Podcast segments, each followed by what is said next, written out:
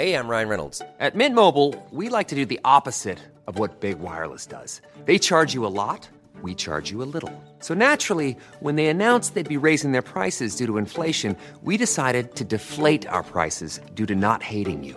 That's right. We're cutting the price of Mint Unlimited from $30 a month to just $15 a month. Give it a try at mintmobile.com slash switch. $45 upfront for three months plus taxes and fees. Promo rate for new customers for limited time. Unlimited more than 40 gigabytes per month. Slows. Full terms at mintmobile.com. Normally, being a little extra might be a bit much, but not when it comes to healthcare. That's why United Healthcare's Health Protector Guard fixed indemnity insurance plans, underwritten by Golden Rule Insurance Company, supplement your primary plan so you manage out of pocket costs. Learn more at uh1.com. Botox Cosmetic, out of botulinum toxin A, FDA approved for over 20 years. So, talk to your specialist to see if Botox Cosmetic is right for you. For full prescribing information, including boxed warning, visit BotoxCosmetic.com or call 877-351-0300. Remember to ask for Botox Cosmetic by name. To see for yourself and learn more, visit BotoxCosmetic.com. That's BotoxCosmetic.com.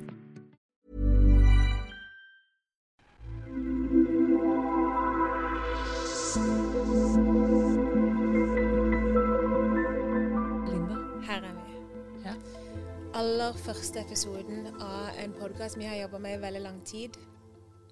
Han heter 'Becoming', som er tatt ifra et begrep, et spørsmål, som satte ting veldig i perspektiv for meg.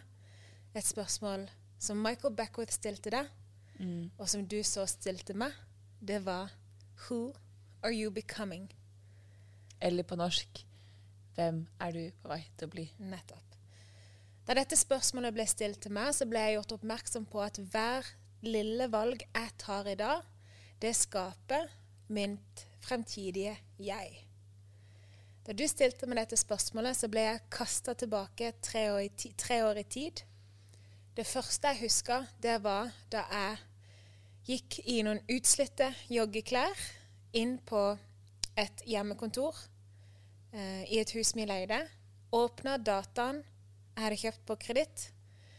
Og meg og min mann begynte å google hvordan man starter et selskap. Den bitte lille handlinga der den dagen føltes så ubetydelig. Fremtida virka så vanskelig og så uoverkommelig. Og jeg hadde aldri i min villeste fantasi trodd at den lille handlinga der skulle skape det livet jeg lever i dag, bare to år seinere. Så i denne sesongen av Becoming så skal vi dykke inn på alle tingene som vi har Mye av det vi har lært i det siste. Ja. Vi skal stille dype, vanskelige spørsmål. Vi skal inspirere både hverandre og våre lyttere til å ta notatet og til å starte prosessen av sin egen becoming.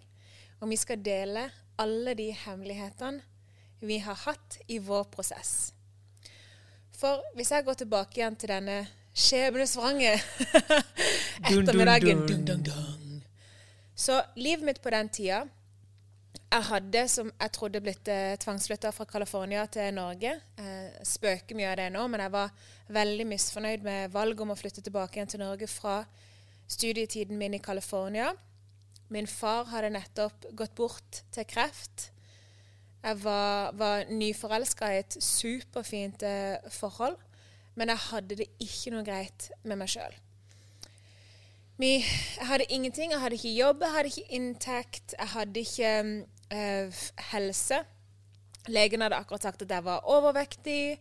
Um, jeg, var, jeg hadde fått antidepressiva, for jeg var, gikk med masse depresjoner.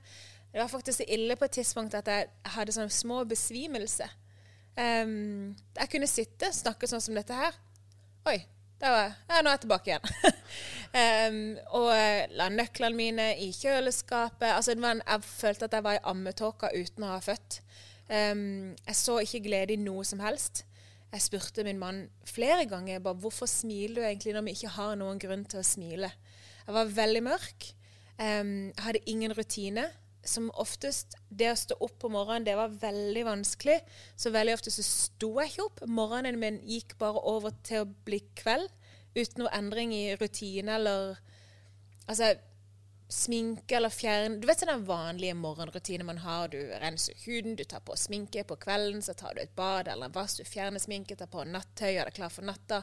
Er det ingenting sånn Alt bare, var bare en mush. Gikk bare inn i hverandre. Med, med et eh, avbrekk her og der for um, For um, Og enten hvis du skulle ha middagsgjest eller noe. Det var avbrekk i dette, men generelt så var det bare en mush.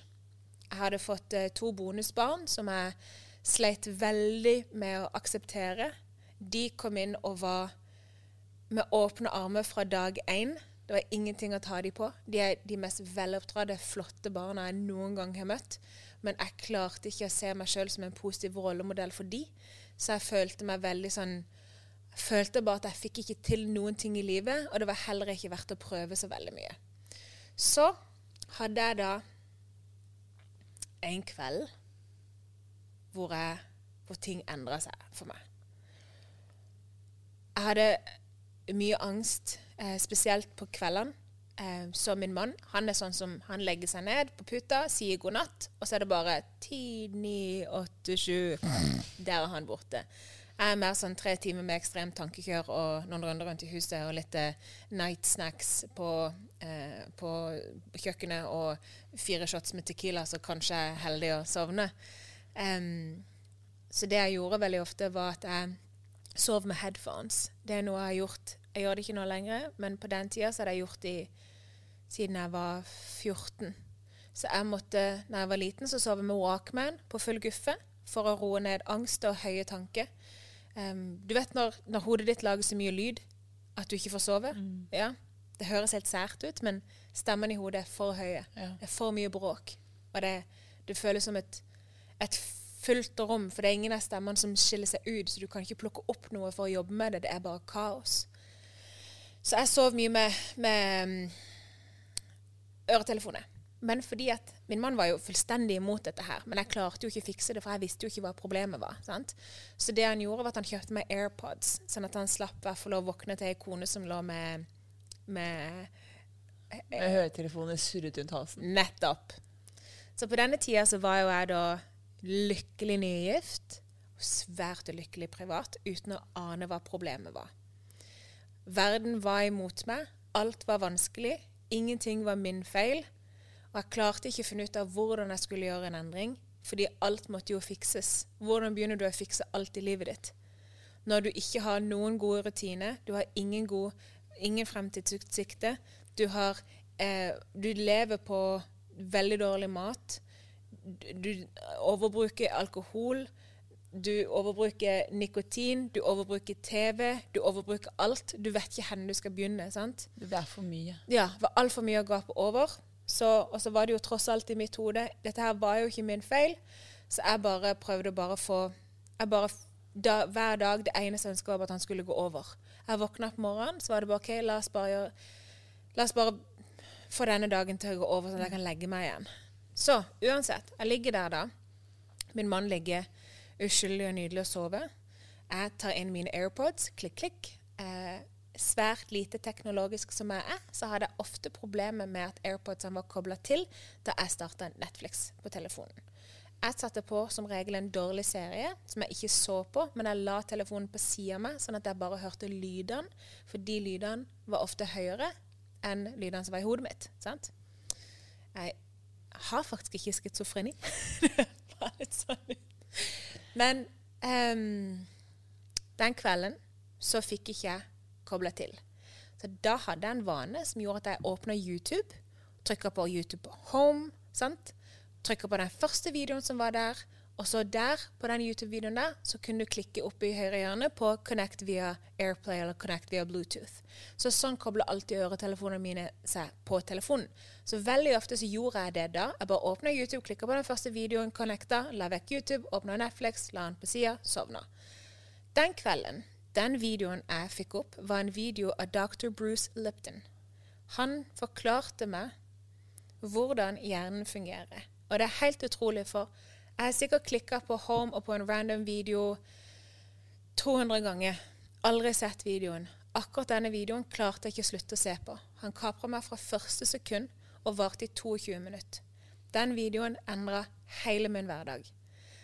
Dr. Bruce Lipton klarte på et merkelig vis på 20, 22 minutter å få meg til å forstå at mitt liv var et resultat av alle valg jeg hadde tatt, og at jeg kan endre livet mitt bare med å endre tankene mine. Jeg var i sjokk, og jeg bestemte meg at fra nå av nå begynner jeg å endre livet mitt. Nå starter det. Nå har jeg fått nok. Så jeg sovna uten kaos i hodet, og jeg våkna med en sånn kjempeglede, for jeg visste at nå skal jeg begynne å ta tak. Jeg visste at jeg skal bruke lang tid. Jeg visste at jeg skulle implementere det som jeg den gang kalte små ting, som vi i dag kaller mikrosteg. Og jeg visste at rommet ikke ble bygd på en dag. Så jeg begynte med morgenene mine. Jeg begynte for det første å love meg sjøl at de løftene jeg gir meg sjøl, de skal jeg holde. Jeg har brutt så mange løfter til meg sjøl at jeg har mista fullstendig respekt for det mennesket jeg har blitt. Jeg måtte begynne å gjenoppbygge respekten jeg hadde til meg sjøl. Så jeg skulle være veldig forsiktig med hvilke løfter jeg ga meg sjøl, og de skulle overholdes. Det ene var at jeg skulle stå opp om morgenen, jeg skulle stelle meg, og jeg skulle kle meg. Og det høres I dag så er jo det en naturlig ting. Men hva? Det, det, det høres helt, helt, helt genialt ut. Ja, for det er ærlig. så lite. Altså, ja. men sånn hvor du var der og da. Mm. Eh, og si at du skal starte med å kle deg. Mm. Det er et mål som er overkommelig, ikke er for stort. Og så, der kan du kjenne på mestringsfølelsen. Ja, det var akkurat det jeg fikk det til. Jeg fikk det til. Og hvis jeg hadde lyst på ettermiddag kveld å gå tilbake igjen i slacksen og bare drite i alt, helt OK. For neste morgen så skulle jeg igjen stå opp, og jeg skulle kle meg. Og etter en stund når jeg hadde stått opp og kledd meg lenge nok, så begynte jeg å glede meg litt til dette her. Og veldig mange av oss, spesielt med tanke på alle hjemme, hjemmekontor vi har hatt i covid, så har vi et inntrykk av at det å stelle seg, det er for andre. Det er noe du gjør som en sosial kontrakt med verden. sant? Men vi glemmer viktigheten av å stelle seg for seg sjøl. Så det som jeg merker at når jeg bare gikk og tissa, eller åpna døra for postmannen, eller gikk på butikken for å kjøpe en melk, og faktisk hadde stelt meg, det var ikke noe fancy. Det var jeans og en T-skjorte, det var hår i strikk, og det var fortsatt ikke sminke, men det var en ren hud som jeg hadde vaska og takt på fuktighetskrem. Det var nok til at jeg begynte å få respekt for meg sjøl. Jeg hadde gjort noe bra den dagen. Og sånn så begynte jeg å implementere mikrosteg som har vokst seg til å bli det livet jeg lever i dag. Og Isabel, dette her er bare to år siden. Det er helt insane. Så alle de tingene Da du kom flyvende tilbake igjen i livet mitt nå i vår, og vi begynte å snakke om hva det som har skjedd i det siste, så begynte jo vi å se at det jeg har gjort, det er faktisk det, det ligger kunnskap bak dette her, og alle kan gjøre det. Ja. Og da tenkte vi at herlighet, vi må nødt til å dele dette med min verden, med verden, med, med, min, kun, med, min, eh, med min livserfaring, din livserfaring, din vanvittige fagkunnskap, min, min Ikke- ikke- fagkunnskap. Jeg begynner Nå- å få litt nå, men jeg hadde ikke da. Nei, nå har du fått Nå en har jeg fått ny mye. kunnskap. Ja. Så det som var så interessant, var at f.eks. vi sitter og prater. Eh, med en gang vi treffer hverandre igjen, the, the reunion of Belinda and Isabel, så sier du f.eks.: Ja, hva var det som skjedde liksom, eh, med ditten og datten? Så sier jeg nei, eh, mannen min kalte meg en eh, forbanna martyr. Og du bare ah, du levde i offermentaliteten, du, ja. Jeg bare OK, så det er en ting. nice. Og jeg sier at jeg gjorde bare sånne småting, og så blir de småtingene veldig store. Ah, du implementerte mikrosteg, Belinda. Så bra. sant? Eh, og jeg bare Ja, for jeg hadde liksom det var så vanskelig for meg på den tida, for jeg liksom, hadde alltid liksom litt sånn lyst til å være lei meg. Ah, du har emosjonell avhengighet, Belinda! Så i denne episoden, i denne sesongen av Becoming, så skal vi dykke inn på mange forskjellige tema som gjør at du kanskje kan bli bedre kjent med deg sjøl. Du kan lære hvordan du skal ta bedre valg for deg sjøl.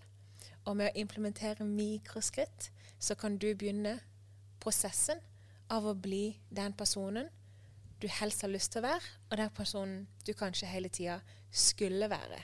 For hvis jeg kunne komme meg ut av det svarte hullet jeg var i, hvor jeg ikke hadde noen penger, ingen jobb, ingen stabilitet, ingen selvsikkerhet, ingen familie eh, med penger som kunne hjelpe meg å starte noe som helst, ingenting, så kan faktisk hvem som helst gjøre hva som helst. Så hei, Isabel.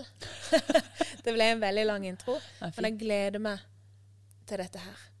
Du, det, også, det som var så gøy da vi traff hverandre i våres, var at alt jeg hadde lest eh, Og når vi hadde den helgen Det var ikke én samtale, det var en samtale som varte over 48 timer. Eh, så var det så gøy å se din respons på det å faktisk få ting kategorisert. Det å få ting definert. Dette er den følelsen, dette er den følelsen, og dette er det som har skjedd. Fordi det å vite at et mikrosteg Fancy ord, ikke sant? Du tenker sånn åh, dette er altfor komplisert, får jeg ikke til. Mikrosteg er små forandringer med høy prioritering. Det er rett og slett det faktumet at du velger å stå opp om morgenen, stelle deg, kle deg, og så om du så bare er der i fem minutter, så er det helt greit. Se for deg et trapp. Ja. Ett Det- trappetrinn, ja, det er ett Det mikrosteg. et mikro, Du tar nok av de, ett mikrosteg, det koster deg ingen kalorier å gå opp en trapp, en trappetrinn. Men gjør du nok ganger, så kommer du faktisk til en ny etasje. Og det er jo det noen kan jobbe seg gjennom mikrosteg veldig fort. Andre bruker lengre tid. Det er litt avhengig av hvor du bruker tid og ikke. Og det var det som var så fascinerende for meg med deg og meg, å høre din historie, var at ting du hadde brukt lengre tid på, hadde jeg rast gjennom. Ting jeg bruker lengre tid på, det var sånn poff, på, på en dag, ikke sant? Kanskje ikke en dag, men, men Og det var så fascinerende. Og så var det det, denne samtalen vi hadde, hvor jeg spurte deg 'Who are you becoming?' som på norsk er 'Hvem er du på vei til å bli?' Hvor du fikk et sånn mega-ha-øyeblikk igjen. Og du tenkte bare 'wow'. For det jeg hadde gjort da i disse dagene Jeg vet ikke om det var samme morgen. Den første morgenen, liksom første dagen i resten av mitt liv. Tror faktisk det var det. Jeg viste denne videoen til min mann. Den videoen har jeg forresten lett etter. Forderva. Det er masse Dr. Bruce Lipton. Akkurat den videoen er sporløst forsvunnet fra internett. Men jeg viste den til min mann, og han var sånn OK, let's do this. Så vi eh, starta jo vår prosess da eh, med å ha styremøte. Vi satte oss ned. Jeg hadde penn og papir klar. Jeg tok eh, attendings. Janko, er du til stede? Jupp. Belinda, er du til stede? Mhm. OK. Hva vil vi ha ut av dette livet vårt? Vi har nettopp gifta oss. Hvilken hverdag vil vi leve? Hva er målene våre? Så vi gikk alltid fra hvordan vil du ha det når du våkner på morgenen? Hva slags omgivelse? Jeg sa jeg må ha ro. Jeg orker ikke å våkne til at det første jeg begynner med, det er oppvask, det er å lage mat, det er å lage frokost, det er å brøle på kidsene som ikke har eh, tatt plukket opp eh, våte håndklær fra badegulvet. Jeg må fikse min morgen. Nå i dag så står jeg bare opp før, sånn at jeg får den tida. På den tida så var det uhørt. Jeg tenkte ikke tanken engang. Så da var det at jeg sto opp en time seinere. For Janko får ikke noe stress av det. Så jeg sa OK, vi har etablert morgenen. Supert. Hva ser du for deg at vi skaper? Hvordan er din drømmehverdag? Og hvordan er ditt drømme eh? Og hvordan er ditt drømmeekteskap? Og så begynte vi å skrive ned det livet vi ville leve. Vi begynte å bygge vårt fremtidige jeg. Vi bestemte oss for hvordan vi ønsker å gå kledd. Hvordan vi ønsker å kjøre, hvilke biler vi ønsker å kjøre. Hva slags mennesker vi ønsker å være for andre. Vi fokuserte på våre verdier. Og det var veldig fascinerende òg, fordi at um, jeg har eh, På den tida så var jo jeg et menneske jeg ikke likte i det hele tatt. Og jeg kunne liste opp Jeg kunne skrevet en roman med alle tingene jeg ikke vil være mer, og som jeg ikke liker med meg sjøl. Men jeg hadde jo aldri fokusert på hva jeg faktisk ville, og hvem jeg egentlig ville være. Veldig mange mennesker vet hva de ikke vil, og så har de ikke sjans å finne ut hva de vil. Nettopp. De er sånn 'Jeg vil ikke det, jeg vil ikke det, jeg vil ikke det'. jeg vil ikke det. OK, hva vil du? Aner ikke. Så hørte jeg tilfeldigvis en podkast på The Mind Valley. Um, nå tar jeg jo kurset inne hos The Mind Valley, men på den tida hørte jeg bare podkasten til The Mind Valley. Og der var det Emily Fletcher som sa Hun skapte et sånt bilde hvor hun sa Se for deg at det er en vennemiddag der mange samles. Og Du har de menneskene som kommer tidlig. De er rolig. De lytter. De stiller fine spørsmål. De hjelper å bære til. De er suksessfulle. Alt er på en måte på stell, og du får den der Yes, du har livet. Du har livet under kontroll, du. Og så har du de som alltid kommer heseblesende for sent. De skriker høyt, det er mye som skjer, det er veldig mye stress. De må videre, for de har så mye å gjøre. Eh, åh, fy søren, denne uka har vært heftig. Du kjenner til de som har liksom De bringer litt Du tenker noen ganger at oi, lille venn, du trenger bare å puste og slappe litt av. Så sier jo Emily Fletcher da at hvem av disse personene ønsker du å være? Og jeg innså jo da at jeg var jo det mennesket som kom heseblesende for sent. Jeg var jo den som bare hadde grabba med seg en bukett med blomster. Ja, ja. Eh, for, de som, for de som lytter nå og ikke ser videoen, hvis de vel sitter og peker på seg sjøl. Liksom, håret er enda litt vått, for jeg har ikke hatt tid til å liksom, ja. Jeg har ikke hatt tid til å føne det og steile det. Jeg kjenner meg så sykt igjen. Mm. Ja. Eh, og så er det sånn Oi sann! Og det er sånn når du liksom bare håper på at ikke du knuser noe på veien, at ikke du mokker ned en vase som står i ganga, sant? som jeg faktisk har gjort. Helt forferdelig. For det er bare så mye kaos og stress rundt det. Um, så tenkte jeg hm, sier du at jeg kan velge? Så sa hun da i den poden, så sa hun Saml sammen de menneskene du liker best. De tingene du liker i de menneskene, det er de verdiene du skal implementere i deg sjøl. Det er sånn du finner ut av hvilke verdier du ønsker å ha. Og jeg var igjen sånn Hæ, men jeg er jo bare født sånn som jeg er. Men hun sa til meg at jeg kunne velge hvem jeg ville være. Så jeg var jo igjen sånn der Wow! Jeg kunne velge hvordan jeg ville føle meg. Jeg kunne velge hvordan jeg ville tenke, hvordan jeg så ut, og hvordan jeg oppførte meg blant andre mennesker. Det er et konsept, det å velge hvem du er. Mm. Det er et konsept jeg brukte lang tid på å akseptere. For jeg var så fast bestemt på at ja, men jeg er meg. Mm. Jeg vil alltid være meg. Jeg har alltid vært meg. Det er ikke noe sånn Hvem kan jeg bli? Nettopp. Hallo, jeg er Isabel. Har Ja. jeg snakka? Ikke sant? Jeg er en klums. Jeg er et B-menneske. Ja. jeg kan ikke liksom synge. Nettopp. Hvis du forteller meg at jeg kan lære meg til å synge, Ja. Det da får Det tviler jeg på. Ja, det gjør jeg faktisk. Vi tror jo, som eh, Robin Sharma sier veldig fint i boka The 5 AM Club, så sier han hele tida at vi ser på mennesker som har oppnådd suksess, som at de er født der. Ja. Og de er bare sånn De er bare They're those kind of people. Ja. De glemmer, vi glemmer å se eller stille spørsmålstegnet Hvilken vane har du bygd inn i dine rutiner for å kunne oppnå det du har oppnådd? Vi glemmer jo at Beyoncé ble faktisk ikke født superstjerne. Obama ble ikke født president. Rart det der. Ja, merkelig med det. Ja. Men allikevel så er det sånn en beskyttelsesteknikk, tror jeg, for å unngå å ta tak i egne ting. Det er veldig mye enklere å si sånn OK, men jeg er født sånn. Jeg trenger ikke å gjøre noe. Kan ikke gjøre noen ting. Men det jeg gjorde på den tida, da, var at igjen, penn og papir, sette meg ned, styremøte, kun med meg sjøl. Så tenkte jeg hvem, eh, hva, hvilke mennesker har jeg mye rundt meg? Hm. Min storesøster, begge mine søstre. Cecilie og Lein. Jeg begynte med de. Cecilie, hun er så forbanna gjennomført. Hun har så mye ro. Hun er sånn som kommer Hvis du har invitert henne på en middag klokka seks, så er hun Klokka ringer klokka seks. Da ringer dørklokka. Der står hun stelt, gjennomført, med en superfin vertinnegave. Og så sier hun 'Hei, takk for at jeg kunne komme'. Og når du setter henne i kontrast til den heseblesende velte inn vått hår, to forskjellige sokker Her har du en eh, bukett fra bensinstasjonen, sant, som jeg har vært. Men Cecilie Hvis kommer du med har med deg bukett. Ja visst, ja, det er på gode dager. Ja, det er på gode dager. Ja. Bare sånn sleng inn det der. Fordi hvis du tenker sånn Jeg har, har aldri med bukett. Jeg har aldri med bukett. Nei, som regel så er det beklager. Jeg har hatt bukett kanskje to ganger. Ja, Min venninne Borghild hun har fått bukett fra Kjell til bursdagen sin to ganger. Ja. Det er flaut. Uansett. Eh, og det er bare, jeg har kjent henne i ti år. Ja. De andre åtte gangene, I don't know. Ja. Unnskyld, jeg glemte det. Men Cecilie da står med sin vinflaske, som hun har da knytta en sløyfe rundt. Der er det selvfølgelig et håndskreven kort. Og ikke noe som hun ikke bare klippa ut litt gråpapir og skrevet på. Det er ekte kort, Isabel. For hun har en skuff i hjemmet sitt hvor det bare ligger klart kort til forskjellige anledninger.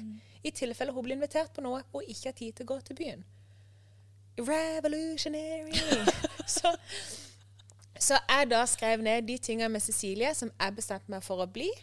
Og tidligere så har jeg alltid vært sånn her Jeg håper ikke at jeg blir invitert på noe som helst, fordi at jeg kommer til å komme veltende inn som det mennesket jeg ikke liker å være, og være skikkelig flau. Og til og med ha litt sånn fullangst i etterkant fordi om jeg sikkert kun har drukket Pepsi Max. Sant? Fordi at ah.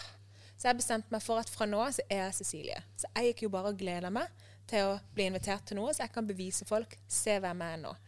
Hun andre søstera mi, Elaine, hun inviterte meg på en middag. For ikke, ikke så lenge etter det. Jeg kom på tida. Hun var i sjokk, middagen var ikke klar. Hun hadde jo planlagt alt en halvtime senere. Og så ga jeg henne denne her tingen. Jeg kom stelt. Og hun var helt sånn nærme. Kikker opp med henne bare Det er jo sånn Cecilie gjør. Så jeg, mhm. Det er meg nå. Jeg er sånn nå. Og det føltes så godt. Jeg dro på upstairs, jeg kjøpte inn masse forskjellige kort i masse forskjellige eh, eh, kategorier ja. og størrelse, og bare lina opp i skuff hjemme. Jeg bare I am this person now. Mic drop, bitch, I got this. Så med Elaine, hun er sånn superflink til å ha folk i hus. Altså, hun kan ha masse folk i hus. Hun kan, hun kan ha julaften hjemme hos seg, som i, seg, i for seg sjøl er crazy bananas. At du kan orke noe sånn. Jeg har gjort det to ganger. Jeg tror ikke jeg kommer til å gjøre det igjen. Hun kan, I tillegg til julaften hjemme hos seg, så har hun hosta julegrøten lille julaften. Og ikke nok med det. Hun har en pulje som kommer klokka tolv, en pulje som kommer klokka tre, en pulje som kommer klokka seks, og en siste kveldspulje som kommer klokka åtte. Huset er stappfullt av folk, mens hun står på kjøkkenet og rører forsiktig i gryta og smiler til alle sammen og får alle til å føle seg så varme og så velkomne at du kan sovne på sofaen der. Jeg, derimot har jo da er livredd for at noen hjemme hos meg skal sette eh, en glass uten å bruke bordbrikke på mitt ubehandla eikebord. Nå har jeg behandla det, så nå går det fint. Livredd for at noen skal flytte på putene, for de ligger jo sånn som de skal ligge. Jeg kan ikke orke at folk skal drive og flytte på de, eller bruke de. Sofaen min er jo ikke skapt for å brukes, den er jo skapt for å stå der. sant? Hva hvis noen driver og lager mat og smuler? Altså, jeg blir så stressa over at folk skal fucke til huset mitt. sant?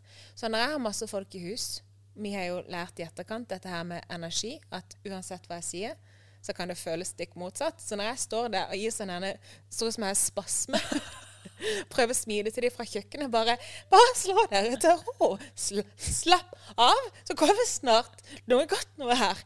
Altså, Stakkars folk som har vært på besøk hos meg. Mine søstre sa en gang til meg at det var så ubehagelig å være på besøk hos meg, for jeg gikk og støvsugde ganger etter de hadde kommet, for å sette, å sette skoene pent sånn som jeg ønska at de skulle stå. Hæ? Så jeg var helt sånn Fra nå av så er jeg en varm, hjertelig person, og mitt hjem er ditt hjem. Velkommen skal du være. Og jeg har blitt så flink på det. Og en sånn liste jeg skrev ned min mann, jeg skrev venninne, jeg skrev mamma, jeg skrev en, alt det jeg likte hos andre. Og så implementerte jeg det og begynte å bli den personen. Og det som du har lært meg i etterkant, for det jeg gjorde da, var at jeg gikk ifra å håpe at dagen bare kunne bli over, til å glede meg til hver minste lille ting, for jeg kunne begynne å bevise og vise fram dette nye mennesket som var Belinda Jacobsen 2.0. Og der lærte du meg noe i etterkant, hva jeg egentlig hadde gjort. Jeg hadde endra hva slags spørsmål jeg stilte meg sjøl. Fordi eh, vår kjære venn, vi kaller han vår kjære venn Michael Beckwith, han, vi kjenner han ikke personlig. La oss bare være ærlige på det. Um, Ja, la oss være ærlige på det. Jeg ringer Michael og sånn, Halla, hva skjer? Han er en um, foredragsholder, forfatter. uh, og har grunnlegger av noe som heter Agate International i LA. Og er en av de menneskene som eh, læremesteren, som jeg kaller han, som har lært meg mest. Og han sier uh, mye bra, men han sa uh, Han spurte Stiller du deg selv nedverdigende eller oppløftende spørsmål? Og så forklarer han at du kan ikke få et svar som er bedre enn spørsmålet du stiller. For meg ble dette sinnssykt revolusjonerende, for jeg skjønte at oi, svaret kan ikke bli, være bedre enn spørsmålet du stiller. Og da har du f.eks.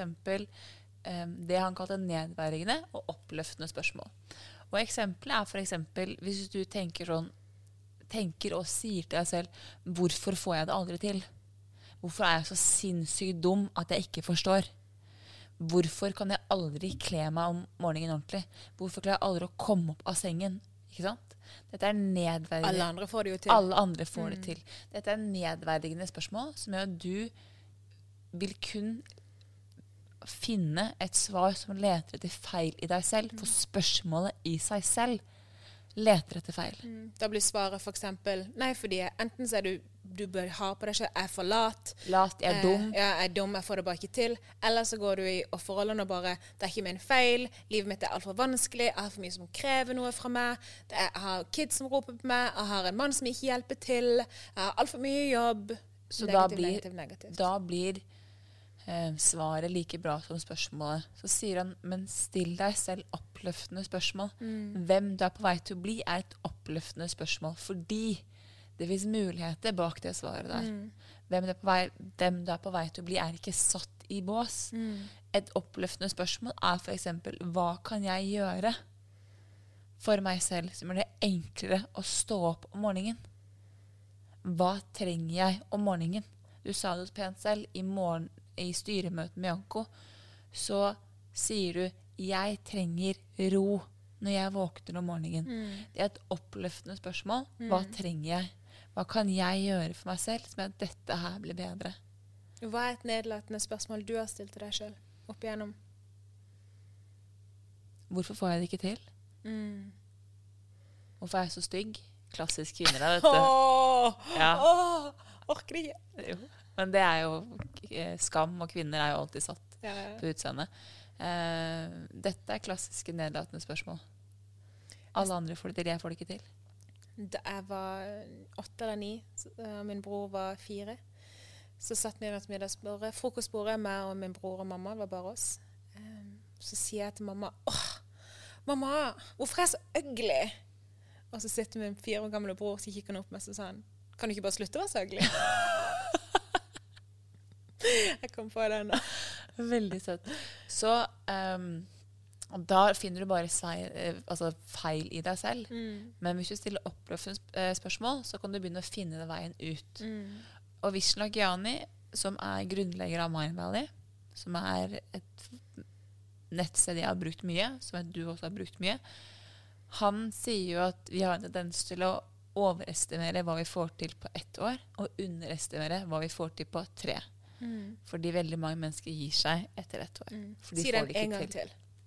Mennesker har en tendens til å overestimere hva de får til på ett år, og underestimere hva vi får til på tre. Så når spørsmålet er hvem er jeg på vei til å bli, istedenfor å tenke på det i morgen, se for deg selv tre år frem i tid. Mange mennesker tenker jo at hvem jeg er på vei til å bli, handler om i morgen. Det skal skje veldig fort, ikke sant? Eller nå. Eller nå. Ja. Du tar en avgjørelse. Nå skal måte resultatet komme. Men se for deg at du tar med deg selv på date tre år frem i tid. Du skal ta med deg Belinda Jacobsen på date i 2024. Jeg skal møte meg sjøl på en restaurant eller på en gåtur eller Ja, okay. Hjemme på en vinkveld eller Oi. yoga eller pick and choose, rett og slett. Og så skal du se hvem er hun. Jeg har ikke tatt med meg meg sjøl på yoga. Kjenner den. En løpetur? Nei. Nei. Restaurant? Ja. Ja. Hvordan Og så skal du gå inn, og så skal Ja. du se på deg selv. Og så skal du på en måte se Hvordan ser du ut? Hvordan føler du deg? Smiler du? Ler du? Er Belinda i 2024 Er hun lykkelig? Har hun lært noe nytt? Hva er hun interessert i? Hvordan er forholdet hennes til andre mennesker? Hvordan er forholdet til deg selv? Har du endret noen vaner? Har du begynt med den aktiviteten du har drømt om? Og tør du å følge drømmene dine? Eller har du turt å følge drømmene dine? Ja. Og da begynner du å sette et mål litt lenger frem i tid. Og så er det som at du måtte da ha en destinasjon på hvem du ønsker å være. Du har en grunn for å bevege fremover. Du har en årsak og en motivasjon til hvorfor du ønsker å starte med det vi kaller mikroskritt, eller mikrosteg, kjært barn mange navn, um, som er små forandringer med høy prioritering. For da er det lettere å vite ok, hvordan ser hun ut, hvordan oppfører hun seg. Og fra her du er nå, til dit, så er det lettere å se veien du skal gå. Jeg um, brukte jo mat, for eksempel, på en veldig, veldig feil måte back then. Det var mye overspising og mye feilspising. Um, så jeg husker da jeg, da jeg begynte å visualisere òg mitt fremtidige jeg, så var jeg litt sånn denne, Men hun har jo ikke noe issues med mat. Hun har jo naila det. Forhåpentligvis. Så hva skal til for at jeg kan bli hun? Jeg må nødt til å ta grep. Og denne prosessen her handler først og fremst om den indre dialogen du har med deg selv. Det handler ikke om alle andre, eh, om hva resten av verden tenker og syns. Det gir jeg egentlig litt blanke f-en i. Det handler om egenkjærlighet, selvrespekt, tillit og det å skape en relasjon med deg selv. Og så er det igjen å ta dette her tilbake igjen til mikroskritt. Jeg visste f.eks. at trening, hver gang noen nevnte noe om trening, så fikk jeg vondt helt inn i hjertet mitt. For jeg kunne jo ikke trene fordi at jeg ikke hadde råd til et treningsabonnement. Jeg kunne ikke trene fordi at jeg hadde ikke eh, yogamatte eller noe utstyr hjemme. Jeg kunne ikke trene fordi at det var jo vinter hele tida. Eh, og det gir så mening for meg. Det er vinter hele tida. Det var vinter hele tida, og jeg kunne jo ikke løpe ute, for jeg har jo astma. Så jeg kunne faktisk bare trene dersom jeg f.eks. eide en tredemølle hjemme. Skal si den ting? Den tredemølla kom, den tredemølla tørka støv, den tredemølla for. Så det er Jorunn Stiansen, som jeg var mye med på den tida, hun forklarte meg at Belinda, slutt å si trening, og slutt å si til deg sjøl at du ikke kan trene fordi. Finn ut av hvordan du kan bevege deg på en måte som du liker. Så jeg bare Ja, men så var hun litt sånn Liker du å støvsuge? Bare Ja, jeg elsker faktisk å støvsuge. Jeg er jo litt sær der. Hun bare Ja, men det er jo supergod bevegelse. Og bare Liker du å gå tur? Og bare Ja, jeg liker å gå tur. Jeg har nettopp fått meg hund. Og bare OK, supert. Gå tur. Det er din bevegelse. Det er godt nok. Begynn der. Og for de som nå sitter og tenker sånn OK, Belinda, trening seriøst, liksom. Jeg kan løpe og trene som jeg vil. Så tenker jeg at det handler ikke om trening i seg selv. Det handler om det motstand. Eller kjenne på at det, at det er vanskelig med et tema i livet. Mm. Altså bytte ut trening med mat, med jobb, med hus, med økonomi, Personer du har rundt deg. personer er rundt deg, og du har samme greie om og om igjen. Og nå skal jeg forklare, fortelle deg noe veldig interessant nå, som kommer fra Dr. Joe Dispenza. For han sier at vi tenker mellom 60 til 70 000 tanker hver eneste dag. Og at 90% av disse tankene er de samme som dagen før. Det betyr at de samme tankene leder til de samme valgene som fører til den samme oppførselen, som skaper de samme opplevelsene, og dermed kjenner du på de samme følelsene. En gang til. Det betyr de samme tankene leder til de samme valgene, Ja. som fører til den samme oppførselen. Oppførselen som da leder til de som skaper den samme opplevelsen, og dermed kjenner du på de samme følelsene. Det gir veldig mye mening til hvordan livet mitt var før. Du husker jeg sa at alt var bare en mush. Det var de samme tankene som ledet til den samme oppførselen, som ledet til det samme livet. Hver dag var lik. Ingenting endra seg. Og det er, det er derfor det med mikrosteg er så utrolig fint. Fordi du trenger ikke å endre alt, for å endre alt vil være for veldig mange mennesker veldig eh, Det blir for mye overveldende. Det blir, du føler deg sånn slukt. Du aner ikke hvor du skal begynne. Men mikroskritt, små, små mikroskritt, små ting du gjør Ja, OK, så er kanskje ikke starten så produktiv som du kanskje skulle ønske deg. Men Trenger ikke være det. trenger ikke å være det. Fordi hvis du begynner med for store skritt, så snubler du. Garanterer. Og rett tilbake igjen. Og rett tilbake igjen. Fordi det er som Joe å sier, at de samme tankene leder til de samme valgene, som fører til den samme oppførselen, som skaper de samme opplevelsene. Og dermed kjenner du på de samme følelsene. Og det som kan være veldig lurt, det er jo da å implementere en endring i morgenen din. For det vi har lært, er jo Du lærte meg dette ordet beslutningstretthet. Det har blitt mitt favorittord i verden, fordi jeg starta jo på morgenen med å liksom skape et nytt liv. Og hver eneste kveld så følte jeg at jeg var rett tilbake i det samme. Det fine var at morgenen etterpå, ding, ding, ding, du kan starte på ny. blanke, friske ark. Livet er for dine fødte. Du skal bare håndtere morgenen. Dette går bra.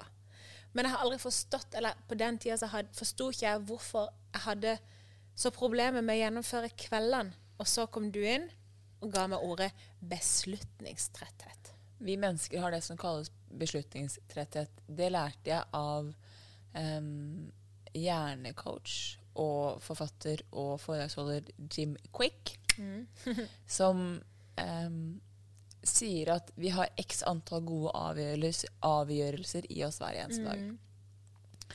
Når, de, når du går tom for de, da går du automatisk over på vaner og rutiner.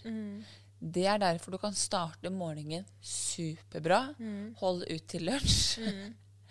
og jo nærmere kvelden du kommer, jo mer er du tilbake på vaner og rutiner. For du tar jo valg hele tida. Bare det å Sett at du har en, en Inni hjernen din har du en, eh, et rom som heter gode valg. Og det vi ikke tenker på, at det er bare det å Du hører en ping på telefonen. Bare det å åpne telefonen, det er et valg. Det å lese den meldinga, det er et valg. Det å svare på den meldinga, det er et nytt valg. På et eller annet tidspunkt i løpet av dagen så har du brukt opp alle valgene dine. Alle gode valg. Alle gode avgjørelser. Det er tomt. Så Jim Quick sa jo det at de største tenkerne og liksom visjonærene, de bruker går jo med samme uniform. Fordi Klesuniform, altså. Fordi da slipper de å bruke opp de gode avgjørelsene på hvilke klær de skal på seg. Ja, det er jo munker. Ja. De har jo så lite distraksjoner rundt seg for å ikke bruke opp Ikke tømme det beslutningsbegeret sitt med en gang. Men nå skal vi snakke litt om vaner og rutiner. Skal vi sitere en av de Vi kommer jo i denne sesongen til å sitere ekstremt mange intelligente mennesker. Ja. Et av de Du har kanskje hørt om henne heter Siss Nei, Engelhardt? gjør du? Ja, også kjent som mor. Hun lærte meg via det Ja. at du trenger ikke endre rutinene dine for å ha gode vaner. Og da var jeg jo sånn der, wow, for hvordan skulle jeg klare å fikse kveldene mine når jeg ikke hadde Jeg fikk det ikke til. Og da måtte jeg bare endre vanene som lå i mine rutiner. Og de endres gjerne når du fortsatt har gode avgjørelser igjen på starten av dagen. Ja. Så for eksempel så slang jo jeg meg på sofaen med eh, chips og Netflix på kvelden. Eh, det hadde jeg lyst til å eliminere. For mitt fremtidige jeg, hun var jo full av kunnskap, var jo supersunn og hadde masse energi. Så jeg måtte begynne å ta grep. Så da, på morgenen, mens jeg fortsatt hadde gode avgjørelser, begeret mitt var fullt, så planla jeg hvilken dokumentar jeg skulle se den kvelden, og jeg kutta opp grønnsaker og frukt i en boks. Sånn at når kvelden kom, jeg ikke hadde noen gode avgjørelser igjen, så kunne jeg bare gå inn. Og min rutine, det var jo da sofa, kos. Da ble min lagde deg en ny vane der, som er eh, sofa og kos, men med næring. Både for kropp og hjerne istedenfor. Fordi det som er så fascinerende med det å endre vaner og rutiner, da, er jo det faktum at hjernen din opererer ikke med rett eller galt, bra eller dårlig. Hjernen din opererer med det som er kjent eller ukjent. Det er eh, hypnotisør Marissa Pair, hun er verdenskjent for det arbeidet hun gjør. Em, hun si, lærte meg det her, og det ga så sinnssykt mening for meg. Fordi Fortell. hjernen din største mål og ønske er å holde deg i live. Og den enkleste måten hjernen din kan holde deg i live på, er å vite akkurat hva som kommer. Den trenger å være i det som kalles kjent farvann. Den vet hvor alle skjærene er, den vet hvor alle tingene er, den vet hvor den skal måtte geleide deg gjennom. Når du bærer ut på ukjent farvann, da alt skummelt. Fordi hjernen din aner ikke hvordan den skal klare å holde deg i live. Det er derfor det er så sinnssykt vanskelig å gjennomføre en endring. Hjernen din bruker 21 dager på å akseptere en tanke hvis du har sagt den og repetert den hver eneste dag. Hjernen, hjernen, hjernen lærer gjennom, gjennom repetisjon daglig. Så det er derfor så mange, hvis de gir opp for tidlig, så har ikke hjernen akseptert det. Folk gir det opp for tidlig. Fordi hjernen har ikke akseptert den nye tanken. Hjernen prøver å si OK, Belinda, Elisabel, du holder på å endre deg, men jeg vet ikke hva som kommer. Kan vi være så snille å gå tilbake til det som var? Det trenger ikke å være bra eller dårlig. For hjernen vet ikke forskjell. For hjernen vet ikke forskjell. Det hjernen jobber med, er kjent eller ukjent. Det som er kjent, der vet den. Det kan være kjempekjipt Ikke sant? Det, kan være uh, abusive eh, Det kan være forhold. det voldelige forhold, det kan være fattigdom. Det er jo derfor så veldig mange mennesker som um, Det er derfor folk som vinner i Lotto um, eller blir popstjerner, bruker opp alle pengene sine, for de vet ikke hva de skal gjøre, for det er ukjent for dem. Will I Am fra Black Eyed Peace har jo gått ut og sagt at han er jo fra slummen. Eller fra ikke slummen, men fra um, Kan man si gettoen? Jeg vet ikke. Ja. Sikkert ikke i 2021. Nei, men uh, eh, si kanten. ja, fra litt dårligere kår, da, for å bruke det ordet der, uh, i England. Uh, og han, da han ble slo gjennom som artist, så kjøpte han hus til moren sin. Eh, de var vant til å bo i en ettromsleilighet hvor de lå tett, tett, tett, tett inntil hverandre. Stort hus, masse rom. Hva gjorde de hver kveld for å sove? Tett, tett, tett, tett inntil hverandre inn på et rom. Det handler om det som er kjent eller ukjent. Og det er, når du forstår det her, så betyr det at du kan gjøre det som er ukjent, kjent, og det som er kjent, ukjent. Hvis du tør å bruke tid, implementere mikroskritt og repetere hver dag. For hjernen lærer gjennom repetisjon. Og da blir man nå fortere litt snillere med seg sjøl. Hvis man hele tiden tenker men hvorfor søren gjør jeg det på det og det viset? Fordi at, lille venn, kan du si til deg sjøl dette er det du kan. Ja. Nå skal du læres opp helt på nytt. Ja. Og den metoden du lærte meg, som jeg ikke tenkte på da, som du har lært meg nå, den metoden er så effektiv. Og det som er at når du starter, så vil du automatisk kjenne på motstand. Og det er helt greit. Hvis ikke du kjenner på motstand, da endrer du ikke en vane som sitter dypt nok i deg. Nettopp. Fordi folk sier jo at OK, jeg har lyst til å gjøre det, men det skal ikke være ubehagelig. Eh, nå kan jeg være så ærlig og si at vi har spilt inn pod. Holder på å spille inn pod. Det er ubehagelig. Selvfølgelig. Det er masse kameraer rundt oss. Det er lys, det er mikrofon som tar opp våre dypeste hemmeligheter. Og alt vi har liksom lest og lært. Og folk skal høre og se, og folk skal dømme. Folk skal få friheten til å si hva de vil om oss rundt middagsbordet, på internett, på Jodel, på Kvinneguiden. Og folk kommer til å bruke oss som en feed frenzy. Veldig ofte så skjer det, og det er ubehagelig. Men for både deg og meg så er de personene vi skal bli om tre år, er viktigere enn ubehaget vi føler her og nå. Og de personene vi er om tre år, de har funnet en måte å håndtere dette her på. Ja. De syns at budskapet de har, er viktigere enn hva folk har lyst til å si om det på Kvinneguiden. Så sånn som f.eks. når du kjenner på at du eh, er redd, du kjenner på at du har motstand. Jeg kaller det motstand. Du kan kalle det blokkering. Eh, floker er et annet ord du kan bruke. Eh, Piss. Piss. Ja, frustrasjon. At du ikke vil, rett og slett. At det er noe inni deg som er sånn Dette her er skummelt. Så er det faktisk helt naturlig. Det er en del av reisen din. Og for de som sier at det er vanskelig. Jeg har jo lest boka 'Untamed' av Glennon Doyle, som jeg har snakka litt om på mine sosiale plattformer. Og i den boka så sier hun at vi må legge vekk den troa om at livet skal være enkelt for å være vakkert. Livet var ikke meint for å være enkelt. Vi som mennesker var ikke skapt til å føle bare de gode følelsene. Livet er ment til å være litt vanskelig i ny og ne, sånn at du kan sette mer pris på de gode tingene. Og tenk på alle vanskelige ting du har fått til gjennom livet. Du lærte deg å gå. Du lærte deg å snakke. Jeg, jeg lærte å løpe før jeg lærte meg å gå. Ja, det overrasker meg ingenting. Du lærte å snakke, du lærte å kommunisere, du lærte å kle deg. Du har overkommet kjærlighetssorg, du har overkommet vanskelige ting i skolen, du har kanskje overkommet mobbing, du har overkommet dødsfall, du har kanskje født. Du har mye du har klart. Du kan få til alle de vanskelige tingene. Glenn Doyle sier det hele tida. We can do hard things. Vi må minne oss sjøl på det at livet var ikke meint til bare å være enkelt. Bare fordi det er vanskelig, betyr ikke at ikke du skal gjøre det. Du kan gjøre de vanskelige tingene.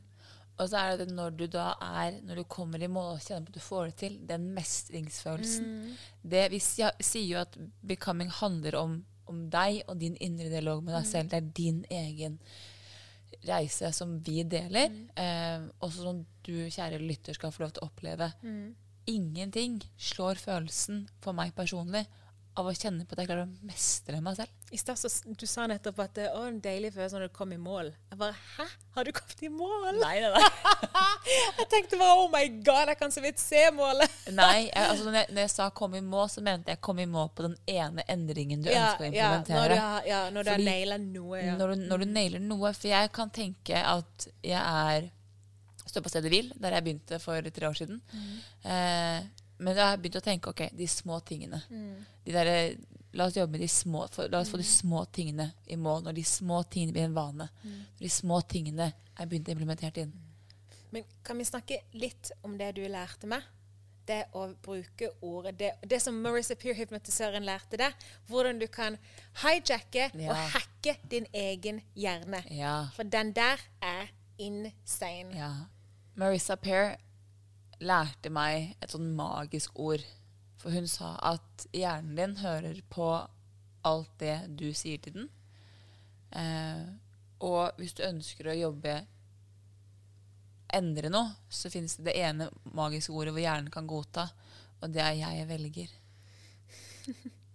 Det å sette foran noe du ikke vil, som du sa er vanskelig, det sier 'jeg velger å gjøre'. Jeg velger å stå opp om morgenen og kle meg pent. Jeg velger å gå ut og gå meg en tur fordi jeg ønsker å trene eller bli bedre i form, rett og slett. Jeg velger å lese en bok. Jeg velger å rydde kjøkkenene mine. Kjø- ikke Kjøkkenene mine skal men si. Hva slags er det du har? Ja. Jeg velger å rydde kjøkkenene mine. jeg velger å rydde kjøkkenet mitt. Eh, jeg velger å rydde boden min, Mm. garasjen min. Ordet 'jeg velger' foran. Mm. Med tid så vil hjernen din tenke 'Å ja, det er et valg jeg tar, ja'. Ha, fascinerende! Og da vil den slippe deler av den motstanden og kampen vi har ved å si 'jeg skal'. For da kommer selvkritikeren på høyre side og sier 'æ-æ'. Ikke sant? Det her pratet om, Belinda Isabel. Du skal ingenting. Du får det ikke til. Du får det ikke til. Og så kommer nedværende eh, spørsmål på sånn eh, løpende på rullebånd, og du tenker ah, der tapte jeg kampen. Men sier du 'jeg velger', så er det sånn boff! Å ja. Ja, du velger, ja? Ja, greit. Ok. Brainhack. Ja, Og den er òg veldig fin å bruke mot andre mennesker. For du lærte meg dette her for ikke så lenge siden, å aktivt bruke 'jeg velger'. Så leste jeg boka The 5 AM Club, og selvfølgelig, som et kronisk B-menneske, så ville jo jeg nå stå opp klokka fem. Så jeg sa til min mann at fra nå av så står jeg opp klokka fem hver morgen. Og han prøvde ikke å være nedverdigende mot meg. Han heier på meg alt det jeg gjør, men han var litt sånn Hæ? Du, hæ? Du er jo B-menneske, Belinda. Du kan ikke stå opp klokka fem. Du har behov for søvn. Du kommer deg jo ikke i seng. Du er jo den i familien som må sove lengst. Og da sa jeg til han det er helt riktig. Likevel så velger jeg å stå opp klokka fem i morgen, for jeg tror at det vil gi meg en positiv boost på dagen. Og han aksepterte det med en gang. Det var bare ah, kult. Good to go. Good to go. That was it. Og hjernen min aksepterte det, og jeg valgte å stå opp klokka fem. Ja. Dødskult. Så det er jo det som er det magiske ordet. Mm. Da tenker jeg at det jeg har lyst til at vi skal si, eller at jeg skal stille lytterne et spørsmål. Og høre Så hvis du, kjære lytter, ønsker å ta frem penn og papir, Vi håper jo at du starter en egen notatbok som heter 'Becoming'. Ja. Eller at du starter en folder på telefonen din som heter 'Becoming'. Fordi at det vil bli litt notattaking. Ja. Men det er noe veldig fint med å ha penn og papir. Jeg er veldig fan av det. Ja, veldig fan. Og de fleste guruene snakker mye om dette her med å skrive. Det seg, det er et minne som setter seg på hjernen Ja. mye mer enn når du skriver på telefonen. Men over til spørsmålene. Hvis tid og penger ikke var et spørsmål, og du ikke trengte tillatelse fra partner, familie eller andre rundt deg, hva slags opplevelser ønsker du å ha i livet? For å kunne oppleve det du svarte på forrige spørsmål, hvordan trenger jeg å vokse som menneske for at det skal skje? Hva slags egenskaper, erfaringer eller kunnskap trenger jeg for at, dette, for at jeg skal oppleve dette? Så, hvis du har opplevd det du ønsker å oppleve, og du utvikler de egenskapene du trenger, hvordan kan du gi tilbake igjen til andre rundt deg? Dette er tre spørsmål inspirert av Vishla Kiani sine Three Most Important Questions. Og det er noe jeg anbefaler folk å bruke tid på for å finne ut av hva er det jeg egentlig ønsker. Hvem ønsker jeg å bli om tre år? Og bruke tid på deg selv. Bli kjent med egne drømmer, egne tanker, og hvem du er på vei til å bli. Jeg så tror Spesielt det siste spørsmålet der syns jeg er veldig fint, fordi det er mange som er der som de ønsker å være nå. Og da er det så fint, for da er det bare å tenke OK, hvordan kan jeg begynne aktivt å gi tilbake? Det er en fin ting. Det er en veldig fin ting. Så kjære du som eh, har sett på oss eller lytta til oss. Vi syns det er kjempekult det at du har kommet så langt i første episode. Det betyr at du faktisk Det betyr at du har lyst til å ta deg sjøl på alvor. Det betyr at du har lyst til å starte en prosess. Så vi håper at du som ser på eller lytter, at du tør å ta deg sjøl på alvor. Og at du husker at dette er din prosess, og din alene. Du trenger ikke dele med verken partner, mor, far, familie, venninne. Ingen trenger å synes at dette er kult. Det er ditt og ditt alene. Ja. Okay? Velkommen. Velkommen. Velkommen til Becoming. Becoming. Takk for oss. Ha.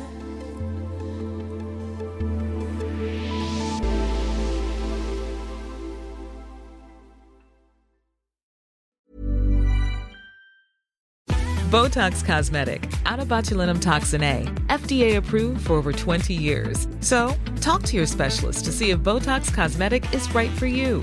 For full prescribing information, including boxed warning, visit BotoxCosmetic.com or call 877-351-0300. Remember to ask for Botox Cosmetic by name. To see for yourself and learn more, visit BotoxCosmetic.com. That's BotoxCosmetic.com.